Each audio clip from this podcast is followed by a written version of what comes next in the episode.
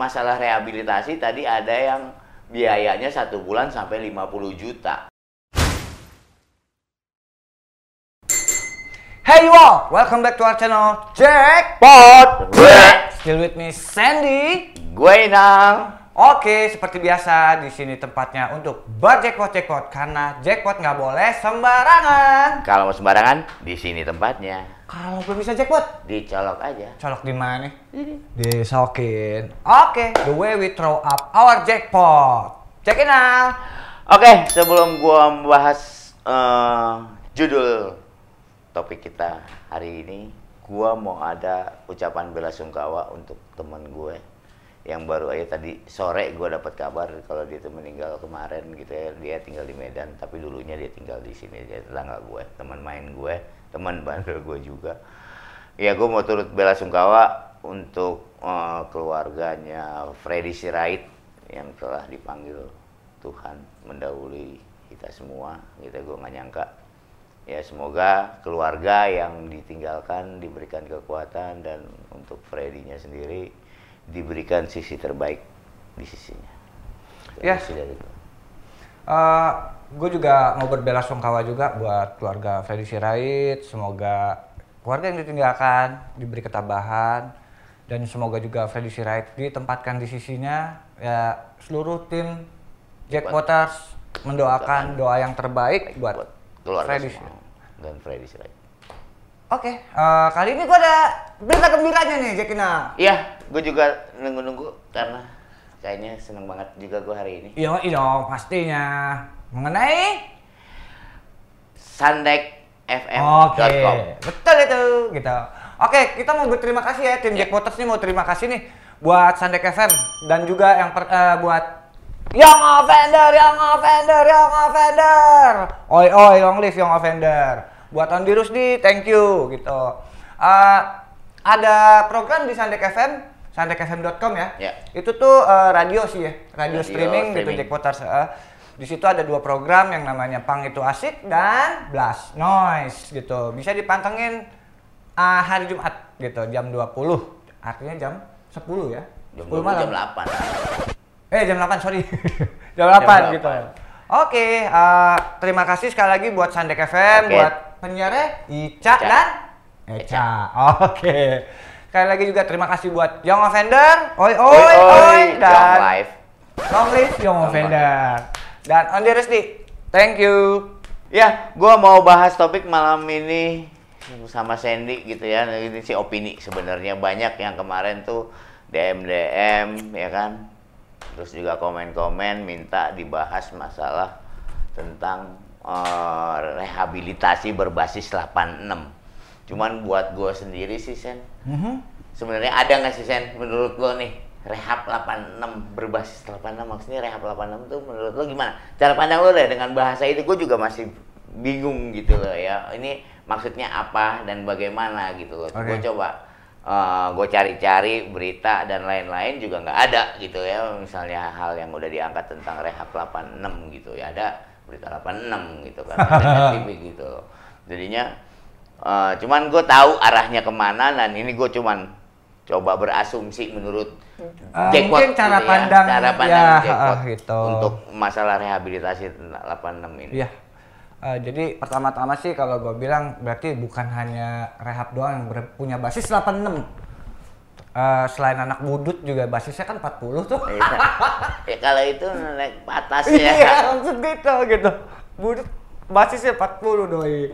Ternyata rehab juga ada basisnya 86 ya. 86. Ya kalau menurut gue sih gini rehab 86 maksudnya masuk rehab di 86-in Mm-mm. terus dia bisa Nah, ya Jackinal bisa As di request gitu nah, kali jadi ya. Jackpoters biar tahu tuh dijelasin tuh basis. gitu 86. ya maksud gua ya gua tahu arahnya ke mana jadi ada rehabilitasi tentang masalah penanganan gulangan narkoba Mhm. yang bisa di 86-in kurang Iya. lebih kan kayak gitu Artinya 86 itu damai lah. oke berdamai Yes. dengan segala macam satu gua eh, sebelum gua lebih dalam membahas masalah itu gua mau eh, dari bahasanya dulu nih ya kan Oke. rehabilitasi berbasis 86 berarti Hmm. kan ada kolusi lah di situ ada Artinya yang main di belakang lah ya. ya kayak gitu. main di belakang Kenapa itu bisa terjadi duluan? Ini asumsi gue. Ini bisa terjadi karena ada demand. Lebih ke cara pandang kali ya. Iya dong. Ah, ah. Ini cara pan iya ini cara sudut pandang Iya, betul. Uh, kita gitu loh. Karena ada demand. Betul. Iya dong. Ini ada demand padahal kan misalnya loh sistemnya udah ada segala macam. Ya udah dibentuk sama sistem. Cuman kok masih ada yang seperti ini. Nah, tapi kalau memang ada juga, memang ada beneran ini rehab berbasis 86, kenapa kasusnya nggak pernah diangkat? Nah, itu dia. Kan gitu masalahnya. Ini kenapa kasus nggak bisa pernah diangkat? Satu, yang pertama karena nggak ada yang melapor, Satu. Satu. Ah. atau karena memang udah dilaporin juga akhirnya nggak kuat pelaporannya. Akhirnya nggak jadi kasus, Bisa, bisa. Iya kan? Asumsi gue gini nih, Sen. Ah, Kan ini terjadi karena ada demand, ya. ya. Demand, demandnya apa? Demandnya misalnya ada orang ketangkep, Mm-mm. ya, secara hukum yang akhirnya Eh, ketangkapnya ini dalam bentuk narkoba aja ya, sih ya, narkoba gitu. ya kita bahas narkoba kan Iya. narkoba, narkoba ya ketangkep narkoba akhirnya yo bisa masuk rehab karena kalau itu udah ada undang-undangnya dong Iya. bisa memang bisa masuk rehab Iya. cuman yang 86 nya di sini ini maksudnya yang 86 di mana mau masuk rehab mungkin dia di 86 atau dia karena satu siapa sih yang mau ditangkap Iya. dengan konsekuensi misalnya kalau nggak penjara rehab Mm-mm. Permasalahan demandnya di mana tadi? Demandnya satu. Kadang-kadang yang ketangkep atau keluarga yang ketangkep nggak mau dua-duanya. Iyalah. Iya kan? Ngejalan Ya. nggak mau menerima konsekuensi. Tanpa menutup mata juga sebenarnya juga banyak orang ya ya demand dari keluarga ataupun si Iya. si ter- terkait yang ya, tertangkap itu juga. tersangkanya lah gitu ya. Itunya kan nggak mau. Betul. Itu kan jadi demand. Nah, Iya. demandnya itu karena ada demand, ya gue bisa dong. Ya lu mau ya lu. Itu jadi ada celah. Oke. ya oke satu itu karena demandnya demandnya itu ya dari orangnya sendiri si individu atau keluarga individu yang punya masalah Mm-mm. demandnya karena nggak mau mengikuti Mm-mm. ya kan itu dari masyarakatnya yang kedua pada saat mungkin 86 itu pada prosesnya ya Mm-mm. untuk masuk rehab nah pada saat masuk rehab ada lagi nih katanya nih ya isu yang beredar pada saat ini dia bisa dia bayar lebih ya kan dia bayar lebih itu ke rehab yang akhirnya bisa langsung pulang sehari dua hari dia bisa langsung pulang Ya. ya nggak nah kalau gue memandang ini ini juga nggak susah juga untuk dibuktikan kalau itu 86 Mm-mm. Iya dong. Lu mau ngebuktiinnya gimana? Orang dia ini setelah asesmen dan lain-lain, ya kan? Ya. Setelah asesmen dan lain-lain, ya udah karena ada kebutuhan khusus dibikin rawat jalan. Oke. Iya dong. Ya. Jadi kan juga sulit untuk Iya, ngebuktiin kalau emang ini 86. Oke. Orang ada asesmennya, Aha. ada apanya kan gitu. Ah, ah. Iya dong. Nah, gua nih masih bingung yang dibilang 86-nya yang mana. Kan kayak gitu. Ah. Iya dong. Iya. Nah akhirnya kenapa nggak ada kasus juga yang naik tentang rehabilitasi 86 mungkin ya karena ini nggak bisa membuktikan Oke. kan kayak gitu. Cuman gue kalau lu tanya gue, lu percaya nggak ada 86? Ada, Hmm. karena ada celahnya. Gitu, Sen. Ya. Oke. Nah, gue tanya sama lu, lu sendiri percaya nggak? Kalau gua itu, kalau lu tanya kayak gitu, gua eh, tunggu dulu. Eh, gua balik lagi nih ke, aduh, duh, ke statement itu tuh tuh tuh tuh, tuh. Itu tuh tuh tuh. Nggak udah udah. Jadi gua balik lagi ke statement lu tadi. Kalau lu, ini kita cara pandang boleh Iya, berbeda iya nggak kan? apa-apa, nggak apa-apa. Ini kan kita ah. memang mau mau ngebahas gitu Iya. loh. Artinya gini, kalau tadi lu bilang eh, si eh, demandnya dari si siapa? Di keluarga atau ah, dari Iya. eksternal rehab Iya. dan institusi lah ya. Hmm. Dari eksternal rehab ataupun institusi itu di mana dari sana. eh, kalau gua kalau cara pandang gua eh, ya gua nggak menyalahkan itu gitu. Gue di sini sebagai di tengah-tengah aja. Bisa jadi juga eh, awalnya si Jangan tengah-tengah dong, kan lu punya kasus. Iya, entar dulu, entar dulu, entar dulu. Enggak, gue udah ngebet aja gue. Iya, tar dulu. Jadi eh, ada siapa tahu kita juga nggak pernah tahu kalau ternyata Ah. memang sebenarnya awal-awalnya juga dari si pihak rehab dan si institusi gitu ya mempromokan gue bisa loh 86 lo mau nggak? Tertarik ya nih? Gitu. Dan setelah itu tercetus akhirnya pihak eksternal nih keluarga dan sini oh yaudah deh siapa bener kata lu lagi tadi siapa sih yang mau dipenjara mau direhab gitu. Nah iya iya justru kan berarti kan karena ada demand. iya diman itu diman itu uh, Demand itu gini, timbul karena apa? Satu ketidaktahuan si keluarganya Ah. atau si orangnya Hmm. bahwa kalau yang gitu-gitu juga nggak harus kasih duit lebih sebenarnya. sebenarnya sih Gratis uh, juga. Nggak bisa delapan dibilang apa namanya dong kalau Iya.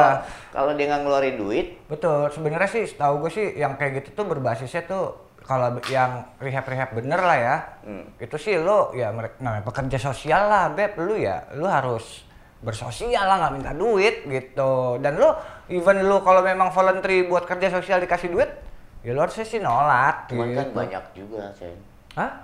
Itu kasusnya banyak yang Banyak ya, gue juga punya kasus sih gitu. Artinya Iya. gini, gue nggak menafikan kalau rehab 86 itu ada sih gitu. Gue juga pernah ngerasain gitu dan eh gue nggak perlu sebut lah nama rehabnya yang mana lah gitu.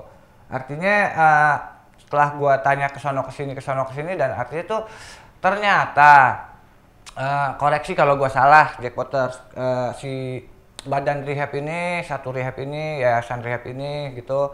Bekerja sama dengan insti- institusi gitu kan. Kalau ada yang ketangkap gue tebus deh gini tuh eh, pak satu pala segini misalnya 10 lah atau lima lah gue nggak ngerti gitu kan. Nah setelah ditebus sama si pihak rehab dibawalah ke rehab gitu. Ini kejadian lo langsung nih ya. gue sih kejadian gitu tapi gue proses gue sih alhamdulillah nggak kayak gitu. Karena gue punya teman-teman di rehab yang ya lumayan power power sih Iya. gitu ngebantu gue Iya, maksudnya cuman kan ada menuju ke situnya. Ada Kan menuju ke sana, karena dia Maksudnya belum tahu. Indikasi ke situ gitu Iya, ya. di awal dia uh, pihak rehab ini mengecilkan gua artinya alah ini paling uh, teh kucing lah gitu. Dan di gue balik lagi nih ke cerita tadi. Si uh, jadi pihak rehab ini nebus kijang nih. Hmm. Nih nebus rembang nih di institusi. Pak, gue tebus ya nih satu pala ya, tapi buangnya ke rehab gue gitu. Enggak, ya mungkin emang kan kalau memang ada ko- koordinasi, mungkin kan juga ada tuh. Ya itu Ya, dia maksudnya gitu. koordinasi. Ah, ha-ha. ah, ya itu kan ya koordinasi karena dia punya lembaga yang bisa merehabilitasi, Ah. ya kan? Ya itu kan nggak ada kesalahan juga sebenarnya di situ. Kalau gue sih sudut pandang gue begitu loh, Ten. Iya sih, ya, harus- harus ya. ya. ah, ah, cuman kan kalau ini kan tinggal masalah teknisnya aja. Iya duit jangan diduitin juga maksudnya. Nah Jangan- iya jangan kan kayak gitu kalau emang niat mau ngebantu Iya, atau segala usah. macam ya wajar-wajar lah ya kan Iya. kayak gitu. jangan yang eh, satu pala gua hargain segini ya gitu di- Malah dihargain berapa? kalau gua sih gua nggak tahu langsung ya karena bi- yang biasa-biasa itu sih yang bersangkutan nggak tahu langsung sih biasanya keluarga yang yang tahu gitu kan kita di bawah kita nggak tahu gitu nah udah kayak gitu eh, ya karena gua waktu itu akhirnya banyak teman-teman rehab juga Akhirnya dibantu. dibantu dan akhirnya pihak rehab yang melapankan 6 itu malu gitu di data ah, ternyata gue nih punya teman juga nih gitu orang-orang rehab dan Nggak, wah ber- berarti lo, lo sendiri berarti setuju dong ya itu ada ya dan lo juga udah Ada. Oh. ada gue setuju Gua gua nggak bisa ngomong itu ada karena gua juga nggak berhubungan langsung sama gue. Mm-mm. Cuman pernah ada yang ngomong sama gua, lu bisa tolong nggak nih? Gue dimasukin segini, gua masuk rehab. Ya memang sih gua bisa pulang, gua cuman sehari dua hari gua di rehabnya.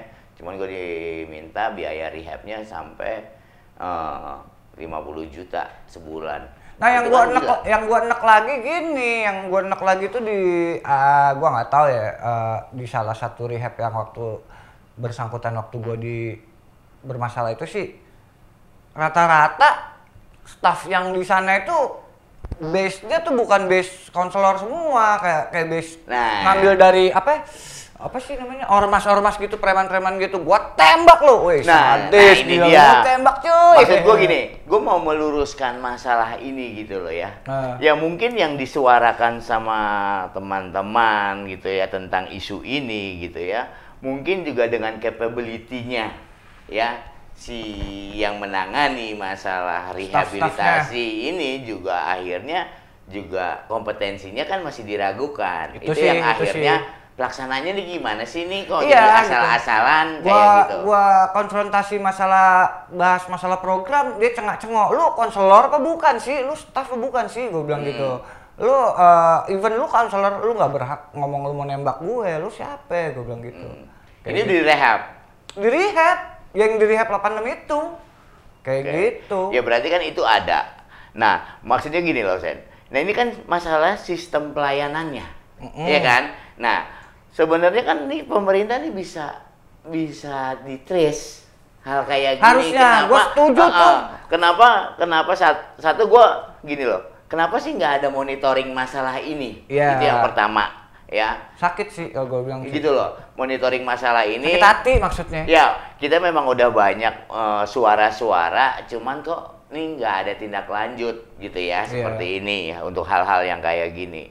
Yang kedua, kenapa juga eh, gini loh, gue juga pernah denger ya, ya ini jauh nih beberapa tahun lalu, gue pernah denger itu satu rehab bisa melayani rehab rawat jalan sampai seribu orang per bulan. Per bulan atau per periode gitu ah, itu ya baru denger sih. ah. ya Jujur seri- seribu orang seribu klien gue langsung mikir Satu staff lo berapa orang satu rehab punya dari seratusan sampai seribu dalam klien dalam durasi per periode per enam bulan taruhlah berarti kan satu bulannya kurang lebih banyak lah ratusan lah Iya. ya nah sekarang yang gua tanya staffnya berapa Itu dia tuh. Ya enggak? Karena sekarang gini, kalau buat monitoring kan sebenarnya gini. Misalnya gini, ada rehab-rehab NGO lah. Mm-mm. Otomatis kan ada yang menaungi. Ini dari government, dari pemerintahannya. Dia kan bisa lihat jumlah staffnya berapa, dengan layanannya berapa orang, atau Iya. capacity tempatnya berapa orang. Make sense nggak? Iya sih harusnya Iya harusnya dong. dilihat ke situ. Iya kan? Ha. Dari situ. Sekarang gini deh, perbandingan gue pernah jadi staf rehabilitasi, gue sebagai konselor, gue pernah itu, Hmm. cuman gue sekarang udah berhenti itu. Setahu gue dulu, untuk menjadi konselor megang klien itu idealnya 4 sampai 5. Mm-mm. 5 satu orang konselor nanganin 5 orang klien. Mm-mm. Nah, kalau sampai 1000 stafnya minimal berapa? harus banyak juga harusnya sih.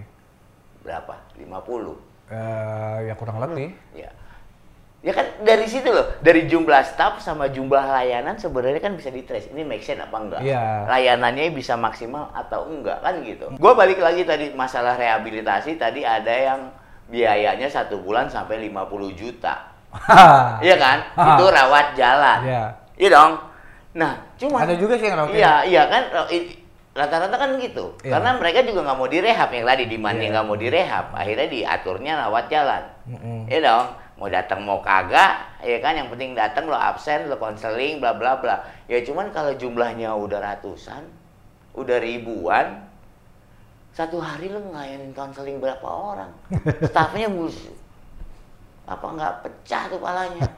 Nah staffnya berapa?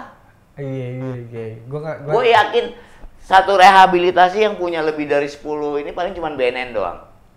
Iya karena dia di sana eh, Iya dong, nasional. Nasional, Grupnya nasional. betul. Nah, cuman kan ini yang melaksanakan ini kan bukannya BNN. iya iya iya. Ba- eh, NGO NGO. NGO NGO lain lah ya. Iya dong. Kayak gitu. Jadinya buat gua kenapa sih ini dari pemerintahannya sendiri, misalnya taruh dari Kemensos lah yang ngasih dukungan atau dari eh, BNN-nya sendiri Hmm. tentang eh, ke NGO-nya kan itu sebenarnya bisa di-trace. Iya betul. Lu punya klien sekian, jumlah staff lo sekian. Kok nggak make sense? Di mana lu atau cara harusnya pelayanannya? atau harusnya eh, skupnya dibagi-bagi ya, dipecah-pecah gitu, gitu maksudnya. Maksudnya ini pecah-pecah gimana? Artinya diba- dibagi ke yayasan lain gitu. Jadi ya Nah, ya kalau gitu ya nggak masalah. Istilahnya, Hmm, gue kapasitas gue udah nggak mumpuni nih. Nah, dong. jangan ditampung. Ya, semua. tabung semua ya rawat jalan ini semuanya. Iya. Oke, rawat jalan bisa diterima. Cuman buat gue nggak make sense. Betul. Konselornya mau digaji berapa? ya kan? Setuju setuju juga. Sih. sendiri gue dulu misalnya gue disuruh jadi konselor, disuruh nanganin ratusan orang, gue ogah. Iyalah. Ya pasti lu juga Iyalah. keteteran. Taruhlah, gue megang 20 klien aja gue udah ngap. Tiap hari satu konseling aja ya kan. Ya iyalah. Gitu. Nggak, Nah. nggak mungkin lah. Ya konseling nggak mungkin se- seminggu misalnya sekali. Iya dong. Iya iya. iya.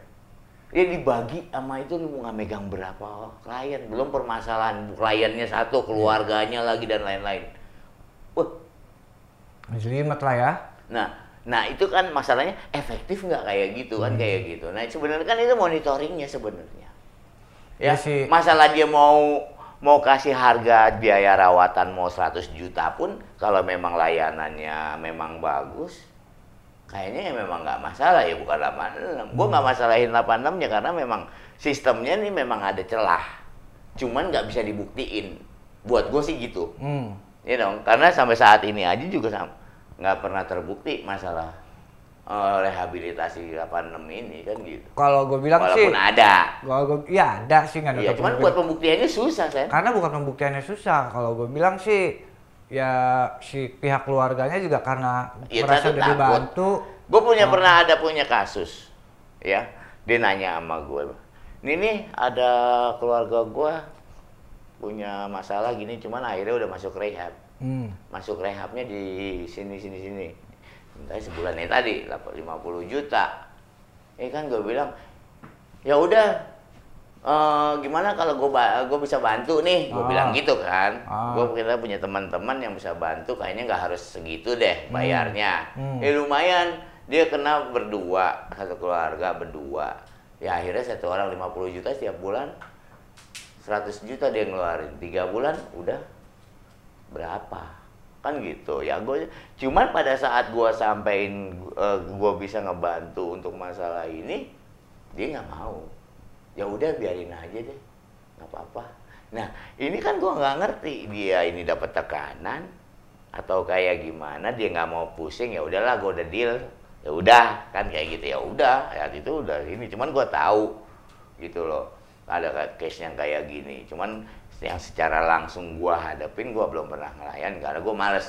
Ya. gua males gitu karena ya itu tadi gua udah apa ya berurusan kayak gini gua males gitu loh. Jadi ya ini ada cuman masalah pelayanan. Itu tadi yang gua mau garis bawahin ya ini ada cuman sistemnya yang nggak bisa dimonitoring. Ya sebenarnya bisa dimonitoring kenapa nggak dilakukan Betul Kan sih, gitu. harusnya sih eh, mo- monitoring berkala lah gitu. Nah iyalah kita lihat dari report jumlah nih tiap apa layak institusi gitu ya yang melakukan rehabilitasi kan bisa kelihatan make sense apa enggak dari jumlah klien sama jumlah presiden Betul, Kan betul. kayak gitu Ya kalau gue sih berapa eh prihatin aja lah gitu. Apa sih kalau masih ngelihat kalau ada yang berbasis berbasis 86 itu ya ini gue gue juga nggak semua sih rehab ya gue tahu nggak enggak. semuanya hanya ada beberapa Kan kita ngomongin yang yang Iya. berasa aja lah. Kalau lu berasa ya udah. Iya. Kalau enggak ya jangan berasa ya, gitu. ya kalau berasa kalau tersinggung ya nggak apa-apa iya Ada. gitu.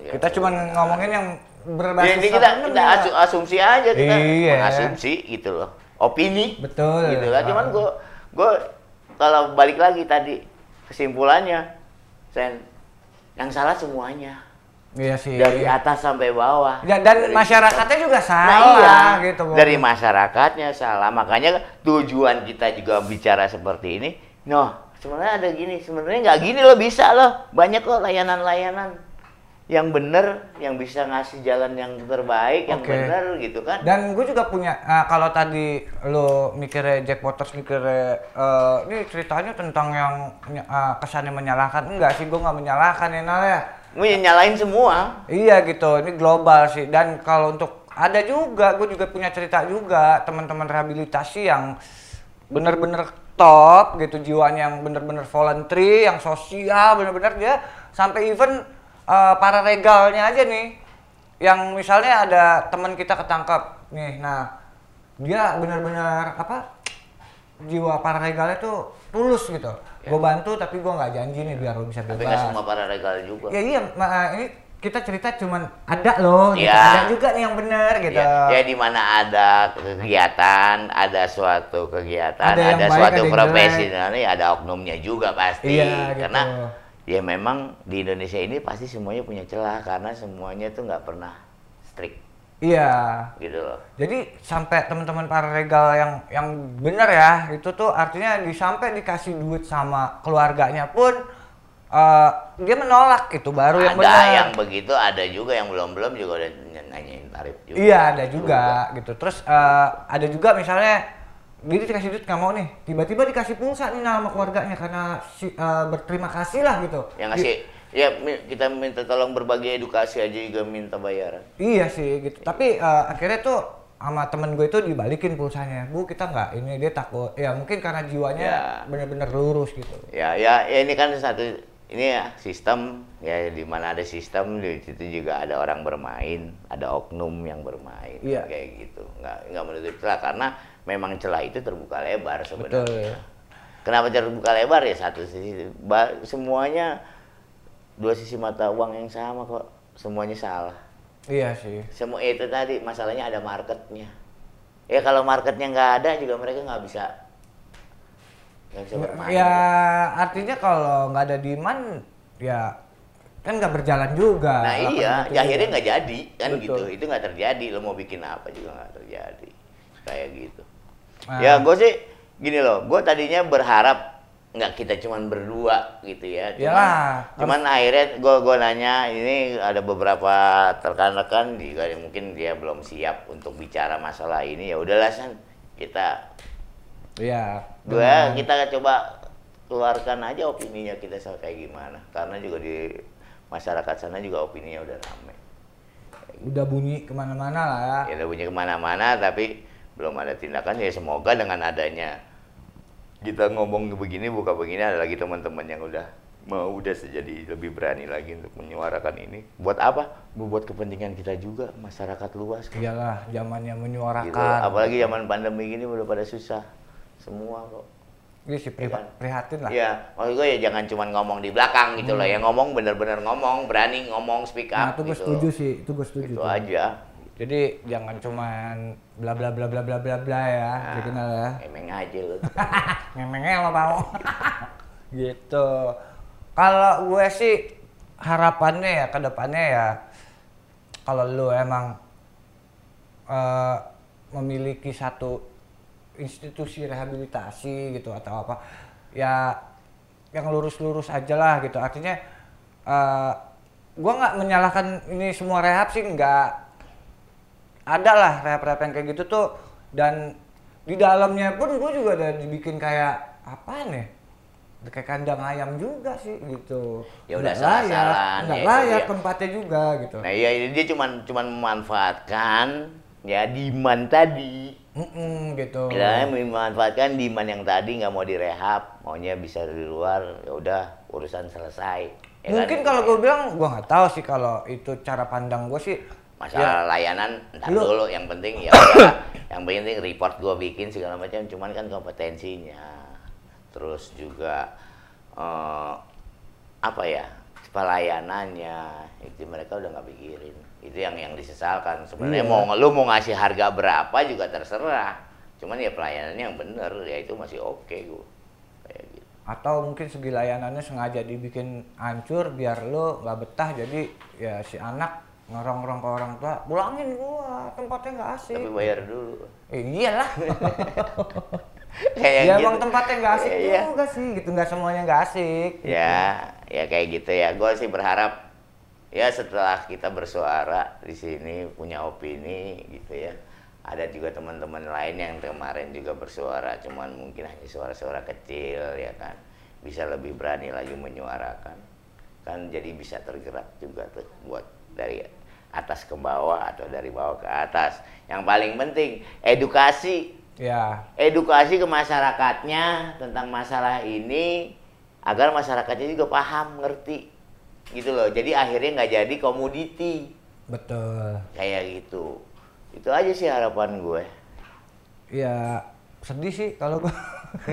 Karena gua nge- ngerasain sendiri gitu. Dan gua ngelihat teman-teman gue juga kalau yang senasib penanggungan dulu kayak gitu tuh ya kalau dia mampu gitu iya ya even walaupun nantinya ya gue nggak tahu juga lah misalnya tuh anak gimana nasibnya di dalam karena kan gue nggak selamanya bareng sama dia gitu Iya, ya kalau memang sekarang ini deh, kalau memang mau ada bersuara gitu ya. Gua kalau memang gue punya bukti, gua akan bersuara. Gua akan buka di sini gitu ya. Ya kalau. Ya, kita mengundang iya, lah ya. teman-teman yang lain juga misalnya memang punya bukti segala macem, ya udah sih. Kita menyiapkan enggak? wadahnya. Gitu di jackpot bisa kalian untuk berbagi gitu. Saling bercerita tentang pengalaman kalian based on true story. Oke, gua rasa cukup ya dari kita. Gua Inal, Oke, dan gue Sandy Jack, One.